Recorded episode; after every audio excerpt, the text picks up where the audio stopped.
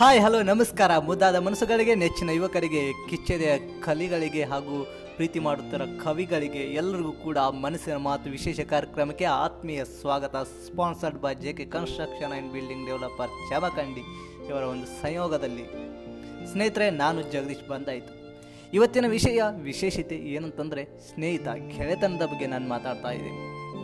ಗೆಳೆತನ ಅನ್ನೋ ಪದಾನೇ ಎಷ್ಟು ಸುಂದರವಾಗಿದೆ ಅಂತಂದರೆ, ಅದಕ್ಕಿರುವಂಥ ಸಂಬಂಧ ಕೂಡ ಅಷ್ಟೇ ಸುಂದರವಾಗಿದೆ. ಈ ಭೂಮಿ ಮೇಲೆ ಎಷ್ಟೋ ಸಂಬಂಧಗಳಿದ್ದಾವೆ ಆದರೆ ಎಲ್ಲವನ್ನ ಮೀರಿದಂಥ ಸಂಬಂಧ ಏನಾದರೂ ಇತ್ತು ಅಂದರೆ ಅದು ಕೆಳೆತನ ಅಂತ ನಾನು ಹೇಳ್ತೀನಿ. ನಿಮ್ಮ ಒಪಿನಿಯನ್ ಏನು ಅಂತ ನೀವು ಹೇಳ್ಬೋದು. ಸ್ನೇಹಿತರೆ, ಜಗತ್ತಿನಲ್ಲಿ ಅಥವಾ ನಿಮ್ಮ ಸಮಾಜದಲ್ಲಿ ಅಥವಾ ನಿಮ್ಮ ಮನೆಯಲ್ಲಿ ಅಥವಾ ನಿಮ್ಮ ಸುತ್ತಮುತ್ತ ನೋಡ್ತಾ ಹೋದರೆ ಎಷ್ಟೋ ವಿಚಾರಗಳು ನಡೆಯುತ್ತೆ, ಎಷ್ಟು ಕಲಾಪಗಳು ನಡೆಯುತ್ತೆ.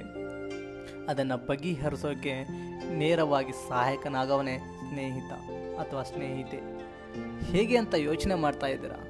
ಒಮ್ಮೆ ಯೋಚನೆ ಮಾಡಿ, ನಿನಗೆ ಕಷ್ಟ ಆಗ್ತಿದೆ ಸ್ಕೂಲಲ್ಲಿರುವಾಗ, ಅಥವಾ ಪೆನ್ ಇಲ್ಲ, ಪೆನ್ಸಿಲ್ ಇಲ್ಲ, ಬುಕ್ ಇಲ್ಲ ಅಂತ ಅಂದರೆ ನೀನು ಮನೆಗೆ ಬರ್ತೀಯ? ಪಕ್ಕದಲ್ಲಿರೋ ಸ್ನೇಹಿತನನ್ನೇ ಕೇಳ್ತೀಯಲ್ವಾ? ಆತ ಕೂಡ ನಿನಗೆ ಹೆಲ್ಪ್ ಮಾಡ್ತಾನಲ್ವಾ? ಇದು ಒಂದೇ ಅಲ್ಲ, ಎಲ್ಲ ಥರದಿಂದಲೂ ಕೂಡ ಸ್ನೇಹಿತ ತುಂಬ ಹೆಲ್ಪಿಗೆ ಬರ್ತಾನೆ. ಈ ಗೆಳೆತನ ಅನ್ನೋ ಸಂಬಂಧವನ್ನು ಹೇಳ್ತಾ ಹೋದರೆ ಸಾಲೋದೇ ಇಲ್ಲ ಸಮಯ. ಅಷ್ಟು ಅನನ್ಯವಾದ ಸಂಬಂಧ ಇದು. ನಾನು ಯಾರು ಅಂತ ಪರಿಚಯನೇ ಇಲ್ಲದೆ ಇರುವಂಥ ಗೆಳೆಯ ನನಗೋಸ್ಕರ ಜೀವನವನ್ನು ತನ್ನ ಜೀವವನ್ನು ಕೊಡೋಕೆ ಸಿದ್ಧನಾಗ್ತಾನಂತಂದರೆ ಅಬ್ಬಾಬಾಬಾಬ ಎಂಥ ಸಂಬಂಧ ಇರ್ಬೋದು ಯೋಚನೆ ಮಾಡಿ. ಮನೆಯಲ್ಲಿ ಸ್ವಲ್ಪ ಹೆಚ್ಚು ಕಡಿಮೆ ಆದರೆ ಜಗಳ ಮಾಡ್ತೀವಿ, ಏನಾದರೂ ಕಡಿಮೆ ಬಿದ್ದರೆ ಜಗಳ ಮಾಡ್ತೀವಿ ಆದರೆ ಸ್ನೇಹಿತನ ಪ್ಲೇಟ್ನಲ್ಲಿ, ಸ್ನೇಹಿತನ ಬುತ್ತಿ ಡಬ್ಬದಲ್ಲಿ ಕೈ ಹಾಕಿ ತಿನ್ನೋ ಮಜಾ ಇದೆಯಲ್ಲ? ಆಹ್, ಅಂಥ ಮಜಾ ಎಲ್ಲಾದರೂ ಬರುತ್ತಾ? ಚಾನ್ಸೇ ಇಲ್ಲ. ಬೆಂಚಲ್ಲಿ ಮಗಲ್ ಸೈಡಲ್ಲಿ ಕುಂತು, ಹಿಂದಡೆ ಕುಂತು, ಪಟಾರ್ ಪಟಾರ್ ಅಂತ ಬಡಿಯೋ ಸಪ್ಳ ಕೇಳಿ ಖುಷಿಯಿಂದ ನಗ್ತಾ ಜೀವನ ಮಾಡ್ತಾ ಆ ಸೆಮಿಸ್ಟ್ರ ನಮಗುಷಿ ಹಾಗೋ ಹೀಗೋ ಎಜುಕೇಷನನ್ನು ಲೈಫಲ್ಲಿ ಮುಗಿಸ್ತೀವಲ್ಲ, ಆಗ ಇದ್ದಂಥ ಸ್ನೇಹಿತರ ಸಂಬಂಧವನ್ನು ಹೇಳೋಕ್ಕಾಗತ್ತ ಆ ಸ್ನೇಹವನ್ನು ಸವಿಯೋಕ್ಕಾಗತ್ತ ಸ್ನೇಹಿತರೆ, ಸ್ನೇಹಿತ ಸ್ನೇಹಿತ ಅಂತ ನಾನು ಹೇಳ್ತಿದ್ದೀನಿ, ಬಟ್ ಸ್ನೇಹಿತರ ಬಗ್ಗೆ ನಾನು ಹೇಳೋದು ತುಂಬಾ ಇದೆ. ಇವತ್ತು ಎಷ್ಟೋ ದಿನ, ಎಷ್ಟೋ ಜನ ಊರು ಬಿಟ್ಟು ಹೊರದೇಶಕ್ಕೆ ಹೋಗ್ತಾರೆ, ಬೆಂಗಳೂರಿಗೆ ಹೋಗ್ತಾರೆ ಬಸ್ಟ್ ಅವರು ಫೋನ್ ಕಾಲ್ ಮಾಡೋದು ತನ್ನ ಸ್ನೇಹಿತನಿಗೆ ಮಾತ್ರ. ಯಾವ ಸಂಬಂಧಿಕರು ಕೂಡ ಕೊನೆ ಕಾಲದಲ್ಲಿ ನಿಮ್ಮ ಸಹಾಯಕ್ಕೆ ಬರಲಾರರು. ನಿನ್ನ ಸಹಾಯಕ್ಕೆ ಬರೋರು ಅಂತಂದರೆ ಅದು ನಿನ್ನ ಸ್ನೇಹಿತ, ಗೆಳೆಯ, ಗೆಳತಿ. ಹೇಗೋ ಗೊತ್ತಿಲ್ಲ, ಭಗವಂತ ಸೃಷ್ಟಿ ಮಾಡಿದ ಸಂಬಂಧಗಳಲ್ಲಿ ಈ ಸಂಬಂಧ ತುಂಬಾ ಅಪರೂಪ. ಇವತ್ತು ನನಗೆ ಕ್ಲಾಸಲ್ಲಿ ಎಬ್ಬಿಸಿ ನಿಲ್ಲಿಸಿದ್ದಾರೆ ನಾನು ತಪ್ಪು ಮಾಡಿದ್ದೀನಿ ಅಂತ ಗೊತ್ತಿದ್ರೂ ಕೂಡ ಆತನೂ ಕೂಡ ನನ್ನ ಜೊತೆ ಎದ್ದು ನಿಂದಿರ್ತಾನೆ ತಪ್ಪು ಮಾಡದೆ ಹೋದರೂ ಕೂಡ ಅಂತಂದರೆ, ಅಂಥ ಸಂಬಂಧಕ್ಕೆ ನೀವು ಏನಂತೀರಾ? ಅಂಥ ಸಂಬಂಧ ಏನಾದರೂ ಇದೆ ಆ ಭೂಮಿ ಮೇಲೆ? ನಿನಗೋಸ್ಕರ ಜೀವ ಕೊಡ್ತಾನಂತಂದರೆ ಅದಕ್ಕಿರುವಂಥ ವ್ಯಾಲ್ಯೂ ಏನಿದೆ? ನೀವೇ ಲೆಕ್ಕ ಹಾಕಿ. ಸ್ನೇಹಿತ, ಕೇವಲ ಹೆಸರಿಗಷ್ಟೇ ಅಲ್ಲ, ಜೀವ ಜೀವ ಗೆಳೆಯ.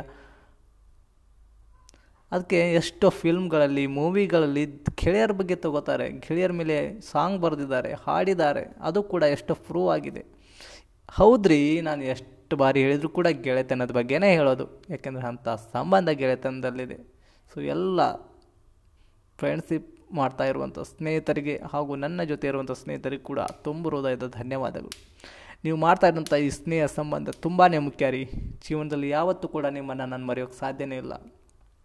ನಿಮ್ಮಲ್ಲಿರುವಂಥ ತಪ್ಪುಗಳನ್ನು, ಒಪ್ಪುಗಳನ್ನು ಒಪ್ಪಿಕೊಂಡು ನಮ್ಮ ಜೊತೆ ಬೆರಿತೀರಲ್ಲ? ಎಷ್ಟೋ ಕಷ್ಟಗಳಿದ್ದರೂ ಕೂಡ ಹೆಗಲು ಕೊಟ್ಟು ಸಹಾಯ ಮಾಡ್ತಿರಲ್ಲ? ಆ ನಿಮ್ಮ ಅಪರೂಪದ ಸ್ನೇಹವನ್ನು ಮರೆಯೋಕ್ಕಾಗತ್ತಾ ನಿಮ್ಮ ಜೊತೆ ಕಲಿತಿರುವಂಥ ಆ ವಿದ್ಯೆಯಲ್ಲಿ ಆ ಸವಿ ನೆನಪನ್ನು ಕೂಡ ಬೆರೆಸಿಕೊಡ್ತಿರಲ್ಲ? ಅದನ್ನು ಮರೆಯೋಕ್ಕಾಗತ್ತಾ ನಿಮ್ಮ ಜೊತೆ ಇರುವಂಥ ಪ್ರತಿ ಕ್ಷಣಗಳು ಕೂಡ ನಾನು ಮೆಲ್ಕು ಹಾಕ್ತಾ ನಗ್ತಾ ನಗ್ತಾ ನನ್ನ ಜೀವನನ ಕಳಿತೀನಲ್ಲ ಅದನ್ನು ಮರೆಯೋಕ್ಕಾಗತ್ತಾ ಎಂಥ ಸಂಬಂಧ ಎಂಥ ನೆನಪುಗಳನ್ನ ಕೊಟ್ಟಿದ್ದೀರಾ ಜೀವನದಲ್ಲಿ? ಅದನ್ನು ಮರೆಯೋಕ್ಕಾಗತ್ತಾ ಕಷ್ಟ ಕಾಲದಲ್ಲಿದ್ದಾಗ ಏನು ಮಾಡಲಿ ಅನ್ನೋ ಯೋಚನೆ ಬಂದಾಗ, ಇನ್ನೇನು ಜೀವನಾನೇ ಮುಗೀತು ಅನ್ನೋ ಆಲೋಚನೆ ಬಂದಾಗ, ಇಲ್ಲ, ನಾವು ಇದ್ದೀವಿ ಅನ್ನೋ ಭರವಸೆ ಕೊಟ್ಟು, ಧೈರ್ಯ ಕೊಟ್ಟು ನಮ್ಮನ್ನು ಮೇಲೆತ್ತಿರಲ್ಲ? ಆ, ವಾ, ಈ ಸಂಬಂಧಕ್ಕೆ ನಾನು ಏನಂತ ಹೆಸರಿಡಲಿ ಆ ಸೃಷ್ಟಿಲಿ ಏನೋ ವಿಚಿತ್ರ ಗೊತ್ತಿಲ್ಲ ಪ್ರೀತಿಗಿಂತ ಈ ಸ್ನೇಹಕ್ಕಿರುವಂಥ ವ್ಯಾಲ್ಯೂ ತುಂಬಾ ದೊಡ್ಡದು. ಸ್ನೇಹಿತರೆ, ಜೀವನದಲ್ಲಿ ನೀವು ಸಿಕ್ಕಿದ್ದೀರಾ ಅನ್ನೋ ತುಂಬ ಒಂದು ವರ, ನನ್ನ ಖುಷಿ ವಿಚಾರವನ್ನು ನಾನು ನಿಮ್ಮ ಜೊತೆ ಹಂಚ್ಕೋತಿದ್ದೀನಿ ಅಷ್ಟೇ. ಈ ಒಂದು ಸ್ನೇಹ ಸಂಬಂಧ ಕೊನೆ ತನಕ ಕೂಡ ಇರಲಿ. ಸ್ನೇಹಿತರೆ, ಯಾವತ್ತೂ ಕೂಡ ನಿಮ್ಮನ್ನು ಮರೆಯೋಕ್ಕೆ ಸಾಧ್ಯ ಇಲ್ಲ. ಪ್ರತಿಯೊಬ್ಬರು ಕೂಡ ನನ್ನ ಲೈಫಲ್ಲಿ ಆಸರೆ ಆಗಿದ್ದೀರಾ ಹೆಲ್ಪ್ ಆಗಿದ್ದೀರಾ, ಅದೇ ಥರ ತುಂಬ ಖುಷಿ ಕೊಟ್ಟಿದ್ದೀರಾ, ಹೊಸ ಹೊಸ ವಿಚಾರಗಳನ್ನು ಕಲಿಸಿದ್ದೀರಾ, ಜೀವನವನ್ನು ಹೇಗೆ ಮಾಡಬೇಕು ಅನ್ನೋ ಧೈರ್ಯ ಕೊಡ್ತಾ ಇದ್ದೀರಾ ತುಂಬ ಟ್ಯಾಂಕ್ ಯು ಅಂತ ಹೇಳಿದರೆ ಅದು ಕಡಿಮೆ ಆಗತ್ತೆ. ಸೊ ದಿನ ನೀವು ಬರಿತಾ ಇರೋದು ನಿಮ್ಮ ಜೊತೆ ಇರುತ್ತಾ ಇರೋದು ಕಂಡ್ರೆ, ಎಲ್ಲಪ್ಪ ಇವ್ರನ್ನ ಹೇಗೆ ಕಳ್ಕೊತೀನಿ ಅನ್ನೋ ಒಂದು ವಿಚಾರ ನೆನಪಾದಾಗ ದುಃಖ ಆಗತ್ತೆ, ಕಣ್ಣೀರು ಬರುತ್ತೆ. ಆದರೆ ಏನು ಮಾಡೋದು? ಹುಟ್ಟಿದ ಮೇಲೆ ಒಮ್ಮೆ ಸಾಯಲೇಬೇಕು, ಬದುಕಿದ ಮೇಲೆ ಒಮ್ಮೆ ದೂರ ಆಗಲೇಬೇಕು ಅನ್ನೋ ಗಾದೆನೇ ಇದೆ. ಅದೇ ಥರ ಎಲ್ಲೇ ದೂರ ಇದ್ದರೂ ಕೂಡ ನಿಮ್ಮ ಹೆಸರುಗಳು, ನೀವುಗಳು ಕೂಡ ಶಾಶ್ವತ ಮನಸ್ಸಲ್ಲಿ ಯಾವಾಗಲೂ ಕೂಡ ಇರ್ತಾ ಇದ್ದೀರ.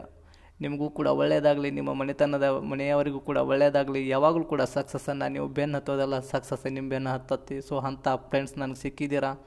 ಸೊ ಏನೇ ಇರಲಿ, ನಿಮ್ಮಲ್ಲಿ ನೋವಿರಲಿ, ಸಂಗತಿ ಇರಲಿ, ಖುಷಿ ವಿಚಾರಗಳಿದ್ದರೂ ಕೂಡ ನನ್ನ ಜೊತೆ ಹಂಚಿಕೊಳ್ಳಿ. ನಾನು ಯಾವಾಗಲೂ ಕೂಡ ಸದಾ ಸಿದ್ಧ ಏನು ಇವನು ಈ ಥರ, ಆ ಥರ ಅಂತ ಅನ್ನೋ ಭಾವನೆ ಬೇಡ.